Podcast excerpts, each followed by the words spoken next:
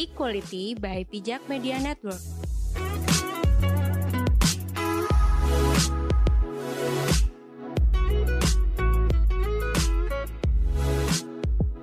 Halo, selamat pagi, siang, dan malam. Kembali lagi bersama podcast Equality episode ke-13 Nah, di episode ke-13 nih, apalagi angkanya juga 13 ya Kita mau ngebahas hal-hal yang selama ini sering diperbincangkan Tapi diem-diem juga ditabukan Nah, hal-hal ini yang ku maksud nih dia tuh selain kontroversi juga sering viral juga sering menimbulkan perdebatan dan perjulitan netizen gitu. Nah, pasti penasaran kan hari ini kita mau ngebahas apaan.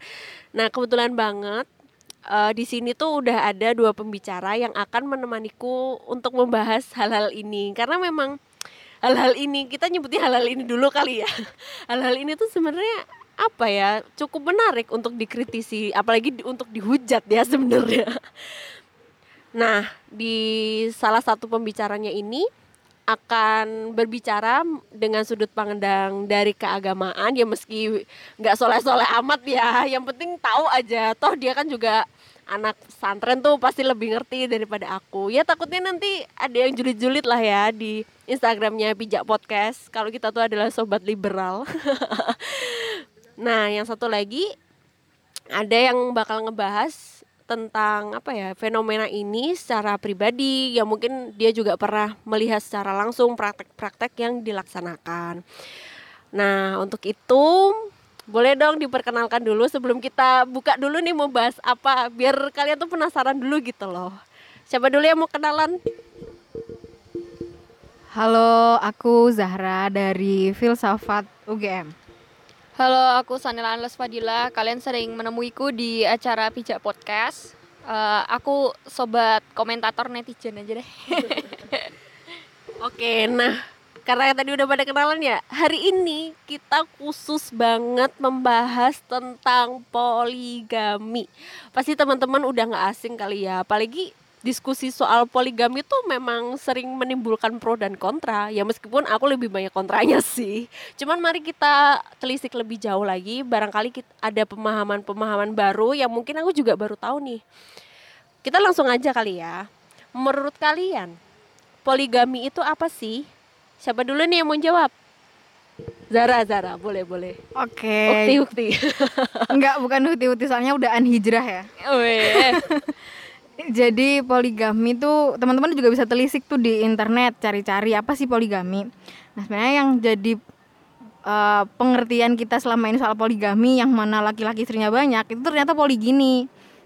Yang mana itu tuh uh, salah satu salah satu jenis poligami. Poligami sendiri itu kalau kalau secara leksikal bahasa artinya tuh uh, praktek berpasangan dengan lebih dari satu orang.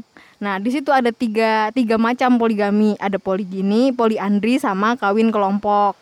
Nah, poligami yang sering kita maksud ini, yang laki-laki istrinya banyak tuh namanya sebenarnya poligini. Ya, ya kayak gitu sih. Poliandri, teman-teman tahu lah, istri, ya, perempuan yang suaminya banyak. Kawin kelompok tuh gabungan antara keduanya. Kayak gitu. Uh, kalau aku nanya nih ya, berarti poligami itu misalnya ada seseorang yang biseksual ya. Kayak mm -hmm. tadinya istri uh, ya, punya istri perempuan, terus dia menikahi teman gaynya gitu uh -uh. itu termasuk poligami iya kalau secara definisi bahasa berarti termasuk hmm. karena yeah. lebih dari nah, berpasangan dengan lebih dari satu orang iya yeah, berarti gitu. kayak lintas orientasi seksual ya pernikahannya baik Nah, tadi udah dijelasin cara definisi kan ya tentang poligami bahwa ya memang sebenarnya secara harfiah, secara bahasa poligami itu ya berpasangan lebih dari satu, betul nggak? Benar-benar. Nah, kalau menurut Sanel nih, poligami itu apa? Kalau menurutku poligami hmm, setelah tahu dari Zahra ya tentang tentang poligami ya menurutku uh, apa ya poligami itu sesuatu yang menyakiti lah uh, kalau menurutku pribadi sih. Yeah, jadi yeah. yang kayak siapa sih yang mau diduakan ditigakan diempatkan dan dilimakan dan seterusnya kayak gitu. Jadi kalau menurutku poligami adalah sebuah praktik menyakiti pasangan. Menyakiti ya? Iya emang sih. Iya gitu sih. Kalau term, term aku pribadi ya sis. Nah kalau kamu sendiri nih Nel kamu sebenarnya setuju nggak sih dengan konsep poligami yang secara kamu tahu ya kalau kita lihat di media sosial tuh poligami kan seakan-akan wah ini tuh adalah sunnah rasul. Kenapa sih aku jadi menggebu-gebu? Nah kalau kalau sendiri tuh setuju nggak sama prakteknya sendiri? Terlepas dari apa pun ya. Aduh, aku sejujurnya bingung menanggapinya ya. Karena masalah ini tuh kayaknya sudah tidak sesuai dengan sunnah rasul pada zamannya gitu. Karena intinya orang-orang, ya enggak sih, enggak orang-orang sih. Kayak pa, para pelaku poligami tuh intinya hanya ingin mendapatkan istri muda yang cantik baik Iya, iya menurutku. Cantik Menurut- Bahenol. Iya, iya kita sering lihat pasti kan uh, para pelaku poligami itu menikahi istri yang ah nggak nggak mesti istri sih pasangan yang lebih muda, lebih cihui. Mana ada yang menikahi janda yang sudah tua? Karena kan kalau menurut yang aku tahu nih istri-istri Nabi itu tuh adalah sahabat yang uh, udah ditinggal uh, ditinggal gitu loh. Istrinya sahabatnya udah ditinggal perang gitu kan tinggal syahid gitu.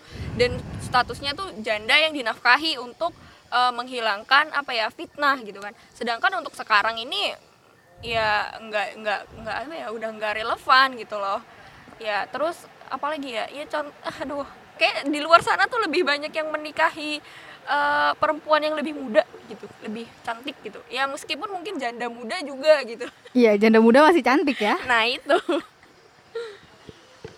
Nah kalau Zahra sendiri menurut kamu gimana nih? Kamu setuju nggak dengan konsep poligami? Terlepas ya terserah sih, terserah pemahamanmu aja. Kamu setuju nggak? Ah, wanita normal kayaknya nggak akan setuju deh ya. Oh iya benar. Kalau misalnya punya pasangannya tuh secara sengaja aku punya dua pasangan di depan mata kamu nih. Orang diselingkuhin aja marah ya kan? Mm-mm. Apalagi di depannya nih sama-sama berbagi Mm-mm, dengan mm-mm. wah ini satu suami kayak gitu. Ya Mm-mm. kayak gitu pasti sakit ya kan? iya sih betul. Terus ya kayak tadi yang dibilang sama Mbak Sanel yang bilang kalau dalilnya biasanya yang dipakai sunnah rasul ngikutin jejak rasul Mm-mm, ya kalau emang mau ngikutin jejak rasul yang dinikahin jangan yang muda janda-janda yang udah tua udah menopause kayak gitu jangan yang muda Nah tapi kan beberapa waktu lalu sempat muncul nih video dari Vice.com ya. Heeh. ya Vice Indonesia lah ya yang itu bener-bener dia ngeliput tentang eh, praktikan poligami yang mana istrinya tuh ya udah ngikut-ngikut aja. Nah menurut kamu gimana nih? Kok apa maksudnya kan kalau secara normal tuh memang nggak ada perempuan yang mau diduakan ya, tapi pada akhirnya tuh gimana nih kok perempuan yang ada di video itu dia bisa ya udah manut-manut wae, patuh-patuh aja kalau di poligami. ya aku juga nonton sih video yang itu dan ya ingin menangis dan marah-marah karena kok bisa gitu tapi ya sedikit banyak sebenarnya bisa dipahami apa sih yang sebenarnya mereka pahami dari konsep poligami yang mana si istri itu dibilang dia itu akan mendapatkan pahala janji surga kalau dia bisa menahan cemburu dari suaminya kayak gitu. Tapi kok enak suaminya suaminya malah dapat pahala atau masuk surga dengan menambah istri? Itu agak ironi sebenarnya. Sedih. Aku tuh kalau meneng aku juga sempat nonton video Vice yang soal poligami itu. Jujur sih aku kalau ngeliat istrinya tuh kayak ya ampun kamu tuh boleh loh mbak eh, tidak menyetujui gitu lah karena itu hakmu gitu kan. kamu tuh punya pilihan gitu. Ya bukan berarti tidak menyetujui tindakan suami berpoligami merupakan tindakan durhaka kayaknya enggak deh. Maksudku kayak apakah mbaknya tidak memikirkan dirinya? Kayak maksudku kayak apakah aku akan merasa tersakiti? Terus apa kabar anak-anakku nanti kalau punya ibu gitu kan. Ya kalau dilihat ya berdasarkan video itu emang si bapaknya ini sih pengusaha yang sukses gitu kan bisa Iya me- betul. menjamin kedua hal sifat adil itu. Cuma kok kayaknya Hah, gimana gitu ya sis? Mm-mm. aku nggak sanggup sih.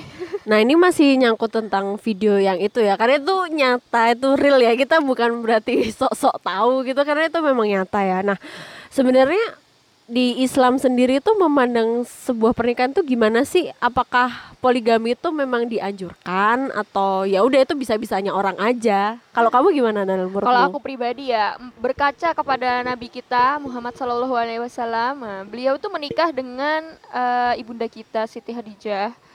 Itu sampai dia mening beliau meninggal gitu, sampai Siti Hadijah meninggal tuh beliau tuh hanya setia gitu pada istrinya, hanya apa ya namanya kayak menafkahi gitu istrinya gitu ya lahir batin. Meskipun istrinya lebih tua dan lebih kaya kayak gitu kan. Kayak ya itulah gitu. Contohlah kita Rasulullah gitu kan yang menikahi istrinya sehidup semati gitu pada Siti Hadijah gitu kan.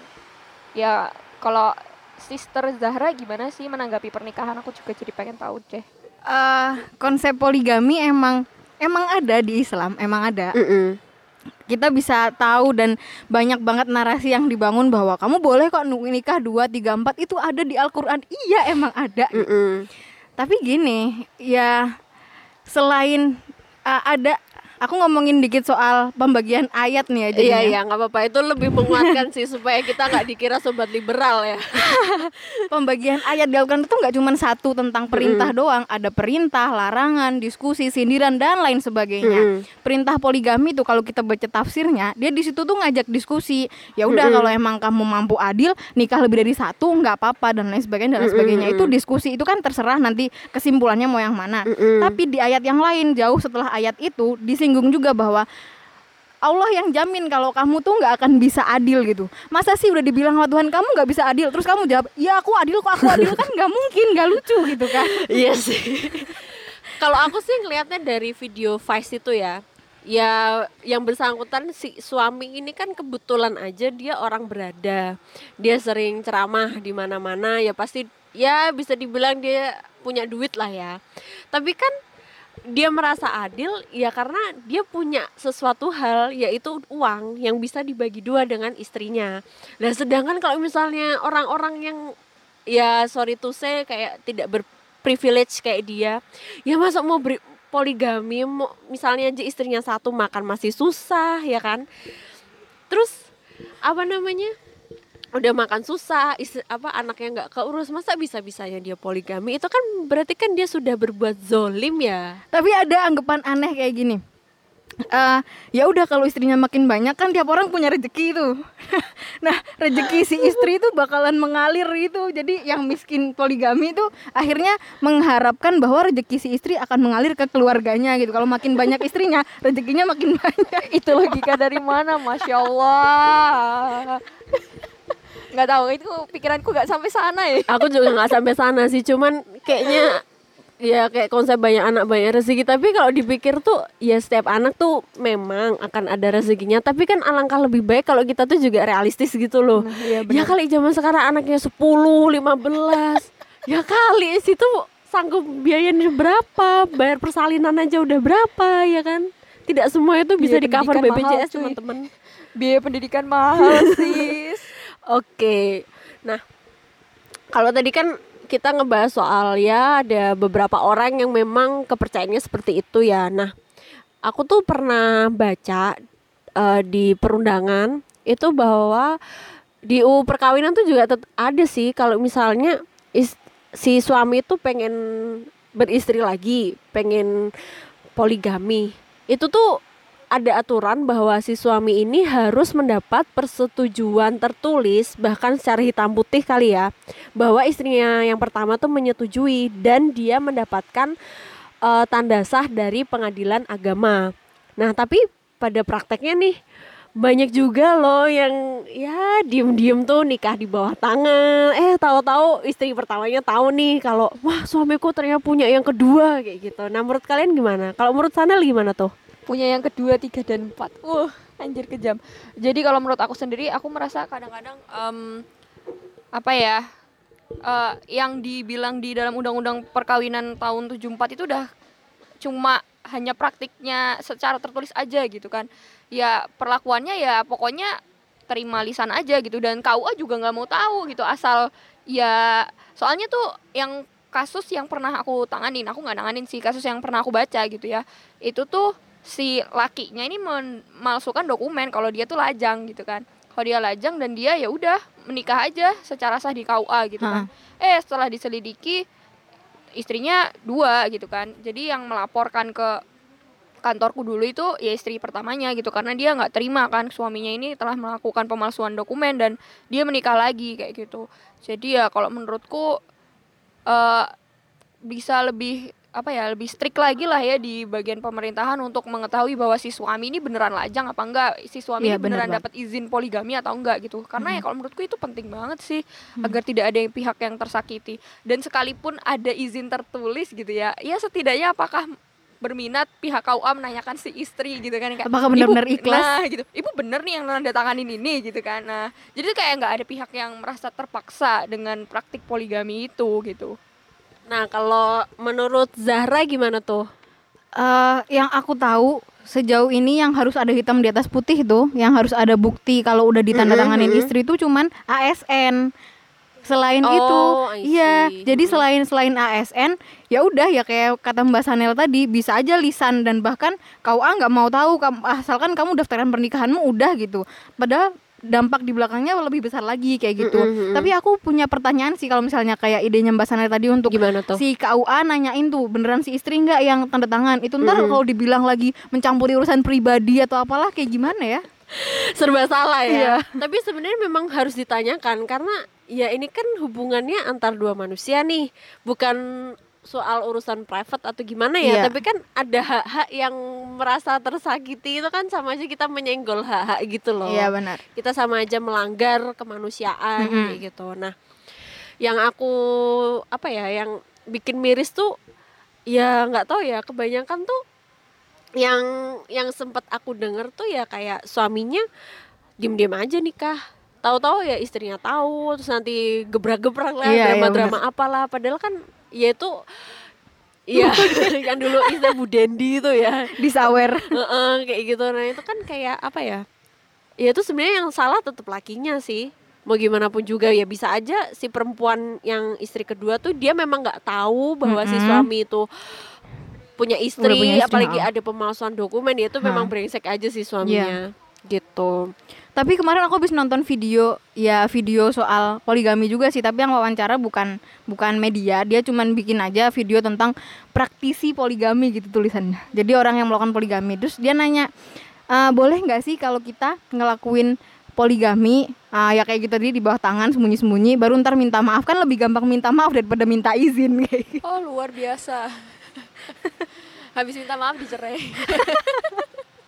Iya gitu ya, berarti dia tuh dia tuh nanya apa? Dia berargumen sih sebenarnya. Dia nanya terus yang jawab juga yang kayak sebenarnya kalau di Islam nggak apa-apa sih soalnya laki-laki punya punya otoritas dan lain-lain dan lain-lain ya tapi kan iya bener banget. Memang dikira perempuan nggak punya otoritas. Orang nikahnya berdua ngapain jadi kamu yang jalan sendiri gitu. Iya makanya itu. Itu konsep yang dasar patriarkis sebelah. Cuman apa ya aku tuh yang masih nggak habis pikir tuh kayak yang kalau di video Vice itu ya bener-bener tuh aku ngelihat eh, istri pertama itu kayak dia tuh bener-bener dicuci otaknya gitu loh kayak ya udahlah aku demi ingin masuk surga ingin patuh dengan suami ya selama kebutuhan rumah tanggamu terpenuhi ya it's okay. Tapi di luar sana tuh ada loh yang tidak terpenuhi bahkan anak-anaknya terlantar. Karena kan sebenarnya dari praktik poligami sendiri tuh yang paling menderita adalah anaknya nggak sih? Ya mau istri pertama kayak atau istri kedua atau ketiga keempat. Pasti kan anak-anaknya tuh sering mendapat stigma gitu loh. Iya. Apalagi kalau ditanyain temennya pasti bingung ini mama kamu yang mana? Iya, pas ngambil rapot gitu ya. Mamamu yang mana ini? Tapi ya kalau kita lihat lagi di video Vice itu si ibu tuh meskipun merasa ya saya ikhlas gitu, tapi dia dijelaskan eh ditanya juga gitu, apa teteh nggak cemburu gitu loh sama hostnya gitu. Ya dia juga jujur kan kalau dia tuh cemburu gitu. Iya. Jadi yang kayak hal-hal seperti itu tuh tidak bisa dihindari gitu loh.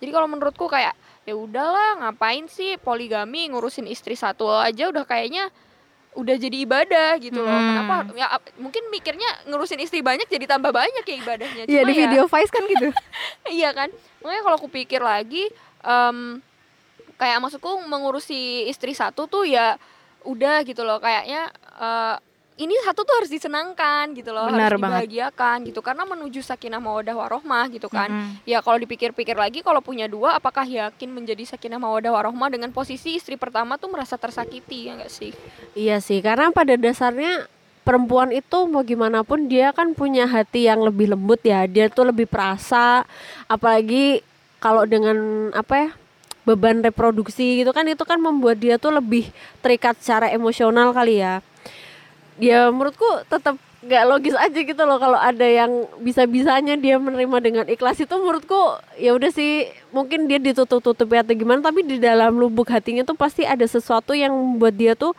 merasa cemburu kayak istrinya yang tadi tuh ada misalnya juga diem-diem dia kesel. Misalnya kayak film ayat-ayat cinta tuh. Hmm. itu kan terlihat jelas ya tapi emang ini filmnya lebay sih menurutku. Ya menurutku menurutku uh, selain Rasul tuh ya nggak ada sih yang benar-benar adil dalam misalnya oke okay lah kamu adil dalam keuangan tapi apakah secara sorry tuh saya kayak seks secara perasaan itu kamu juga adil. Misalnya istrimu cemburu gimana? Terus misalnya kamu apa misalnya hari ini kamu shift malam di mana kayak gitu-gitu. Itu gimana gitu? Menurutku yeah. tidak ada yang bisa seadil itu. Kalau menurut kalian gimana aku mau menanggapi ya apalagi masih teringat sangat-sangat teringat karena aku nonton video Vice tuh beberapa kali yang kayak aku memahami si bapak ini ngomong gitu kan kayak dia tuh bener-bener mencuci otak gitu dengan dia bilang kayak ya memang fitrahnya perempuan itu pencemburu. Jadi ya kayak mau lu nikah sebanyak apa pun ya memang para perempuan itu pencemburu. Tapi apakah dia tidak bersikap jahat dengan kepada apa pada para wanita gitu loh dengan dia menstigma kita tuh memang hmm. dari asalnya pencemburu gitu. Yeah Iya yang bikin cemburu siapa sih gue tanya. Iya ya sering kali tuh uh, doktrin yang dimasukin dari si suami ke istrinya nggak apa-apa cemburu tuh ibadah kayak gitu. Luar biasa. Ya ya emang bener orang tuh kalau misalnya ada hadis yang bilang kalau emang fitrahnya manusia bukan perempuan fitrahnya manusia oh, tuh, itu tolong dicatat ya fitrahnya manusia. Fitrahnya manusia itu pencemburu bahkan layak masuk neraka orang yang nggak punya cemburu kepada pasangannya. Beneran itu ada hadisnya kayak gitu. nah kalau misalnya udah kayak gitu, apa iya yang cemburu? Satu pihak doang nih si wanita dan dengan itu dapat ibadah, abis itu si laki-laki menikah lagi dengan urusan apa namanya apa alasan ibadah dengan dua titik tiga titik dan lain sebagainya. lah itu di mana titik sakinah mawadah warohmahnya di mana gitu? Iya sih benar. Tapi gini ya, aku tuh tetap tidak bisa memahami konsep poligami karena menurutku itu hanya legitimasi aja biar ya perselingkuhan terselubung gitu kali ya. Ya ya udahlah daripada zina mending nikah siri aja, yang penting sah kayak gitu. Cuman ya apakah um, mereka tuh tidak mikir gitu loh bahwa kelakuannya itu menyakiti hati banyak orang dan itu adalah berbuat zolim kayak gitu. Nah sebenarnya di Islam sendiri kan kalau aku baca uh, syarat utama dari praktek poligami itu kan adalah bersikap adil. Yang yang seperti yang aku bilang tadi, ya nggak ada manusia yang bisa adil gitu loh. Nah kalau menurut kalian ini gimana sih konsep adil tuh? Apakah sebenarnya pernikahan dalam Islam tuh kayak gimana sih?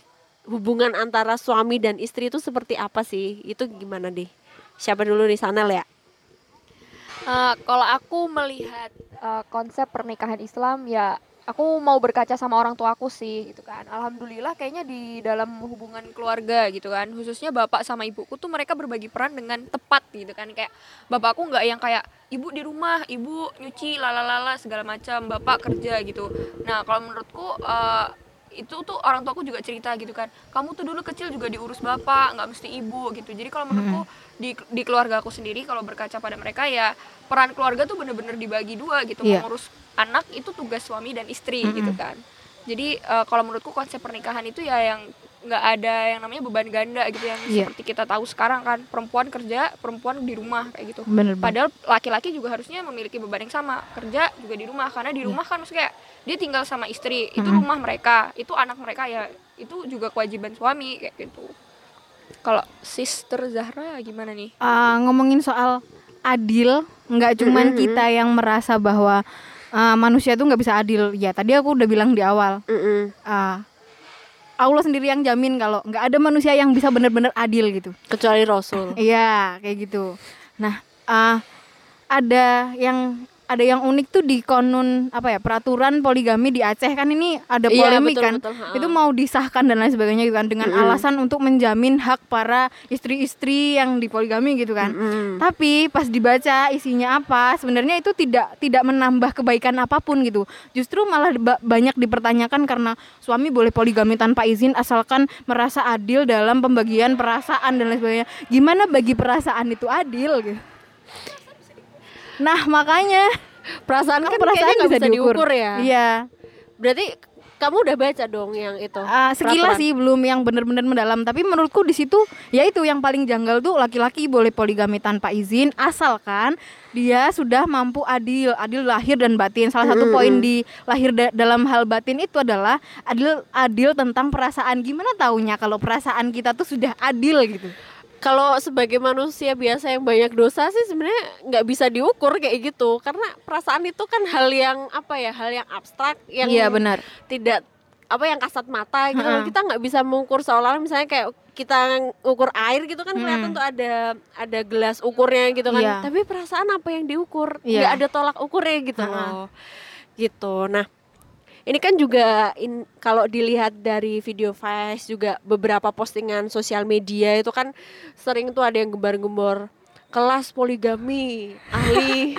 Apa sih cara, cara apa sih? Pokoknya tuh intinya tuh kelas poligami. Bagaimana cara mendapatkan restu istri atau tips dan trik supaya poligamimu lancar dan sukses misalnya kayak gitu. Itu beneran ada. Nah menurut kalian kenapa sih pada akhirnya poligami ini malah justru dikomersialisasi sebagai sebuah komoditas gitu loh Ya karena pelakunya banyak makanya ada komunitas. iya benar karena meng- karena berpotensi menghasilkan duit ya kan Iya bener. Di- iya makanya orang-orang di, kayak kayaknya tuh ya aku pernah membaca gitu ya Heeh. eh, dari tweetnya dokter Yu Hasan nih dokter Yu Hasan tuh bilang kayak gini eh, sebenarnya manusia ini emang eh, tertarik nggak lebih dari satu orang eh lebih dari satu orang gitu Iya. kan. terus ya kak kalau disangkut pautkan soal poligami ya ada gitu ya berarti Iya. kan eh, manusia ya adalah kecenderungan tidak Ha-ha. monogami gitu Ha-ha. kan nah makanya itu eh, mungkin banyak gitu loh pelaku pelaku poligami dan setelah itu mereka menjaring komunitas lalu mereka melakukan seminar dan menghasilkan uang mengajak para lelaki-lelaki yang tadinya monogami jadi kayak iya wah wah gitu wah ada jalan masuk surga nah itu dia sis aduh berarti zaman sekarang tuh agama memang bener jadikan komoditas kan ya Ya dari dulu sebenarnya, tapi sekarang jadi lebih parah aja gitu. karena sejak ada sosial media Iya. ya. Nah cuman yang menarik itu tuh apa ya? Aku pernah lihat di Twitter apa di Instagram gitu ya banyak yang membuka kelas-kelas poligami Ha-ha. bahkan sampai apa diikutin dengan ayat-ayat ya. Heeh. Ya menurutku sih kalau mau poligami ya itu terserah lah ya itu kan Iya. pilihan masing-masing orang tapi apakah bijak gitu loh kalau istilahnya kayak ngajak-ngajak orang yang tadinya sudah berikrar setia sehidup Ha-ha. semati sama pasangannya tiba-tiba diajak kayak gitu seakan-akan lu kalau nggak poligami berarti lu nggak jantan kayak Iya. gini nah Anjir, yang menarik tuh aku pernah baca tulisannya Mbak Kalis itu Ha-ha. tentang ya ini kelas-kelas seminar poligami itu yang Hmm. intinya tuh mereka tuh memang jualan. Mm-mm. jualannya tuh yang apa ya rodok-rodok ji- gilani gitu loh. Dia tuh jualan apa ya yang soal kelamin-kelamin gitu loh obat vitalitas gitu-gitu. Ya misalnya kayak gini Allah kalau di tulisannya mbak Kalis ya Allah lu cuman satu doang coba dua lu kuat nggak? Berapa kayak gitu-gitu loh. Terus menurut kalian gimana tuh aku pernah baca yang itu sih cuma udah agak-agak lupa. Tapi yang kayaknya eh, sebuah praktek poligami dijadikan komersial tuh kayaknya udah nggak asing lagi. Kayak banyak sih praktek agama yang dijadikan komersial. Ya mungkin secara kasat mata kita lihat sholat gitu. Sholat kita kan pakai mukena. Ha-ha. mukena itu kita komersialkan gitu kan. Itu so far kayak fine fine aja sih. Cuma Iya. kalau poligami Hmm. itu gimana gitu ya. Aku tuh kayak ngerasanya tuh eh ya seperti salah seorang korban poligami di dalam Vice itu yang bilang kayak gini "Eh, emang tidak ada praktik lain menuju surga selain poligami? Iya, benar, Kayak benar banget. menurutku ya ya udah lah nggak usah poligami Ya praktek lain selain poligami itu sangat banyak, apalagi udah masuk di pernikahan ya kan. Yang Iya. mana sebenarnya tujuan pernikahan tadi kata Mbak Sanel berarti ada dong ya kecenderungan orang untuk tidak monogami. iya Kalaupun ada tujuan pernikahan itu, ini sedikit agak bawa-bawa ayat nih ya. iya nggak apa-apa nggak Litas apa-apa kunu ilaiha kalau dibilang Waduh, dalam. Al-Qur'an nih.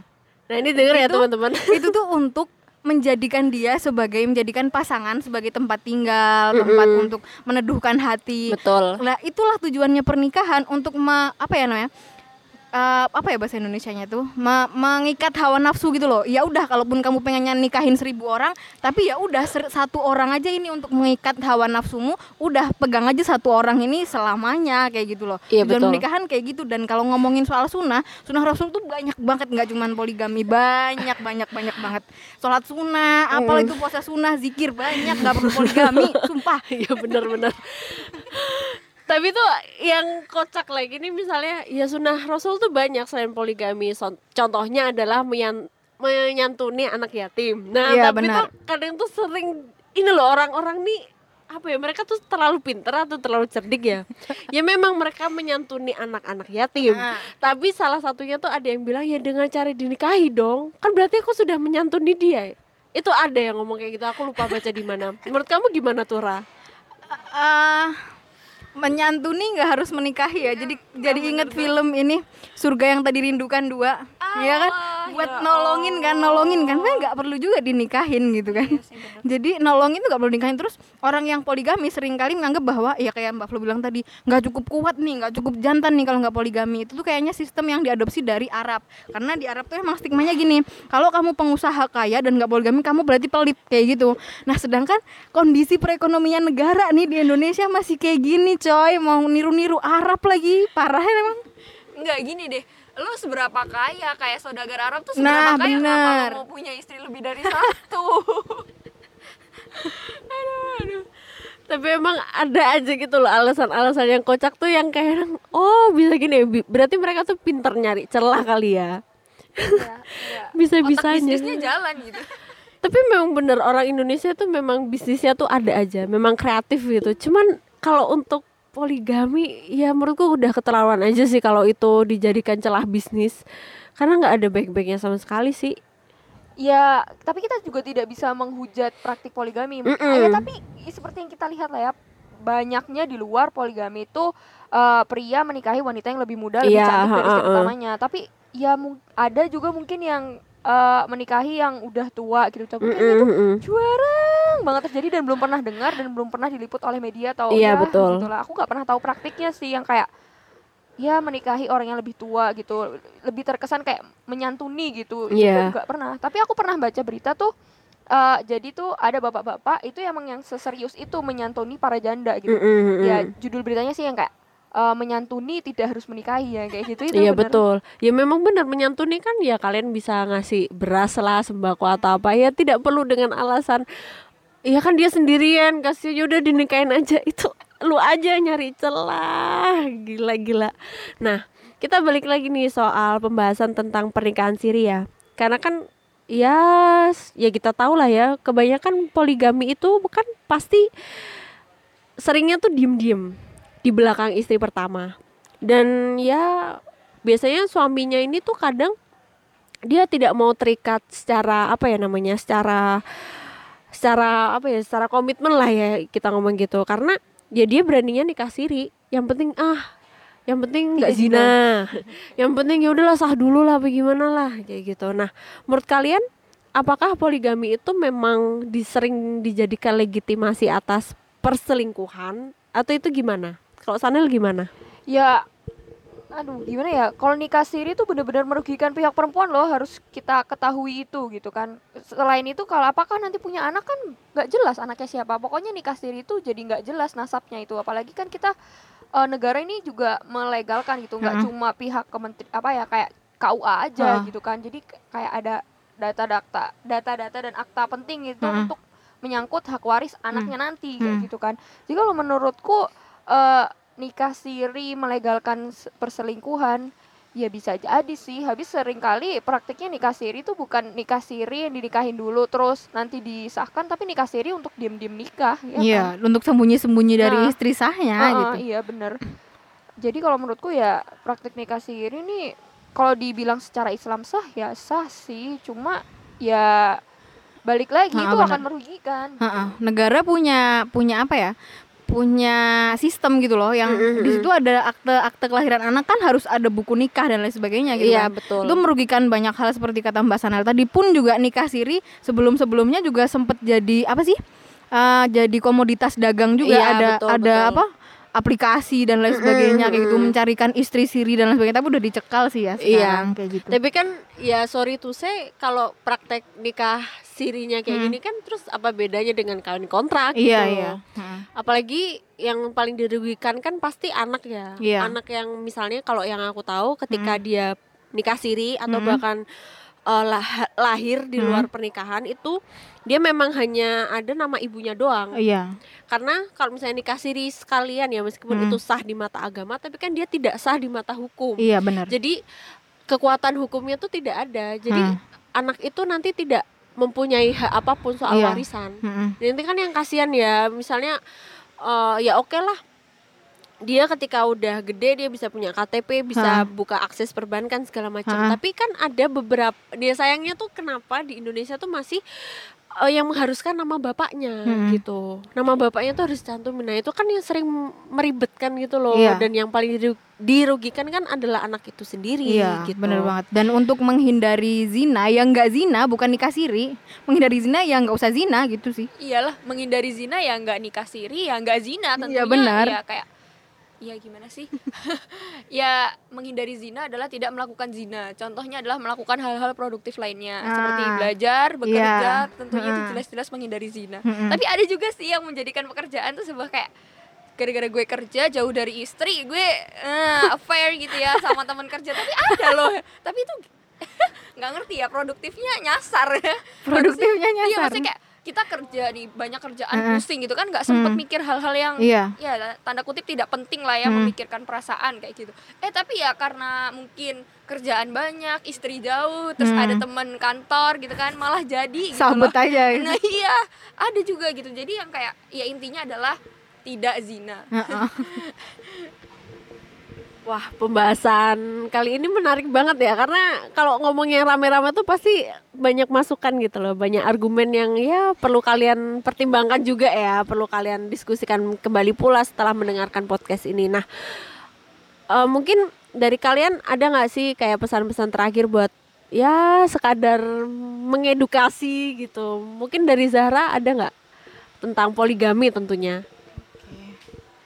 Eh, mengutip dari penjelasannya Quraisy Shihab, Bapak Kiai Quraisy Shihab tentang sebenarnya poligami itu seperti apa sih? Poligami itu pintu darurat dalam pesawat yang kalau misalnya dibuka benar-benar kondisi darurat. Kayak apa kondisi darurat? Kayak yang dialami Rasulullah di zaman umat Islam belum banyak, terus eh, para syuhadanya udah meninggal, istrinya nggak ada yang rawat dan tidak ada penerusnya. Kalau misalnya istrinya ini nggak ada yang rawat di situ nggak apa-apa poligami tapi saat ini nih di mana laki-laki dan perempuan jumlahnya justru lebih banyak perempuan dan lain sebagainya eh, menurutku perempuan dan juga yang udah bisa pada bisa mandiri nggak perlulah dikasihanin dan untuk di diberi makan harus dinikahin dulu kan nggak perlu. Kalau emang mau sedekah mau menyantuni nggak usah lah dengan dalih poligami melegalkan eh, apa ya ke- keinginan seksual yang berlebih itu nggak nggak usah lah menghalalkan poligami gitu.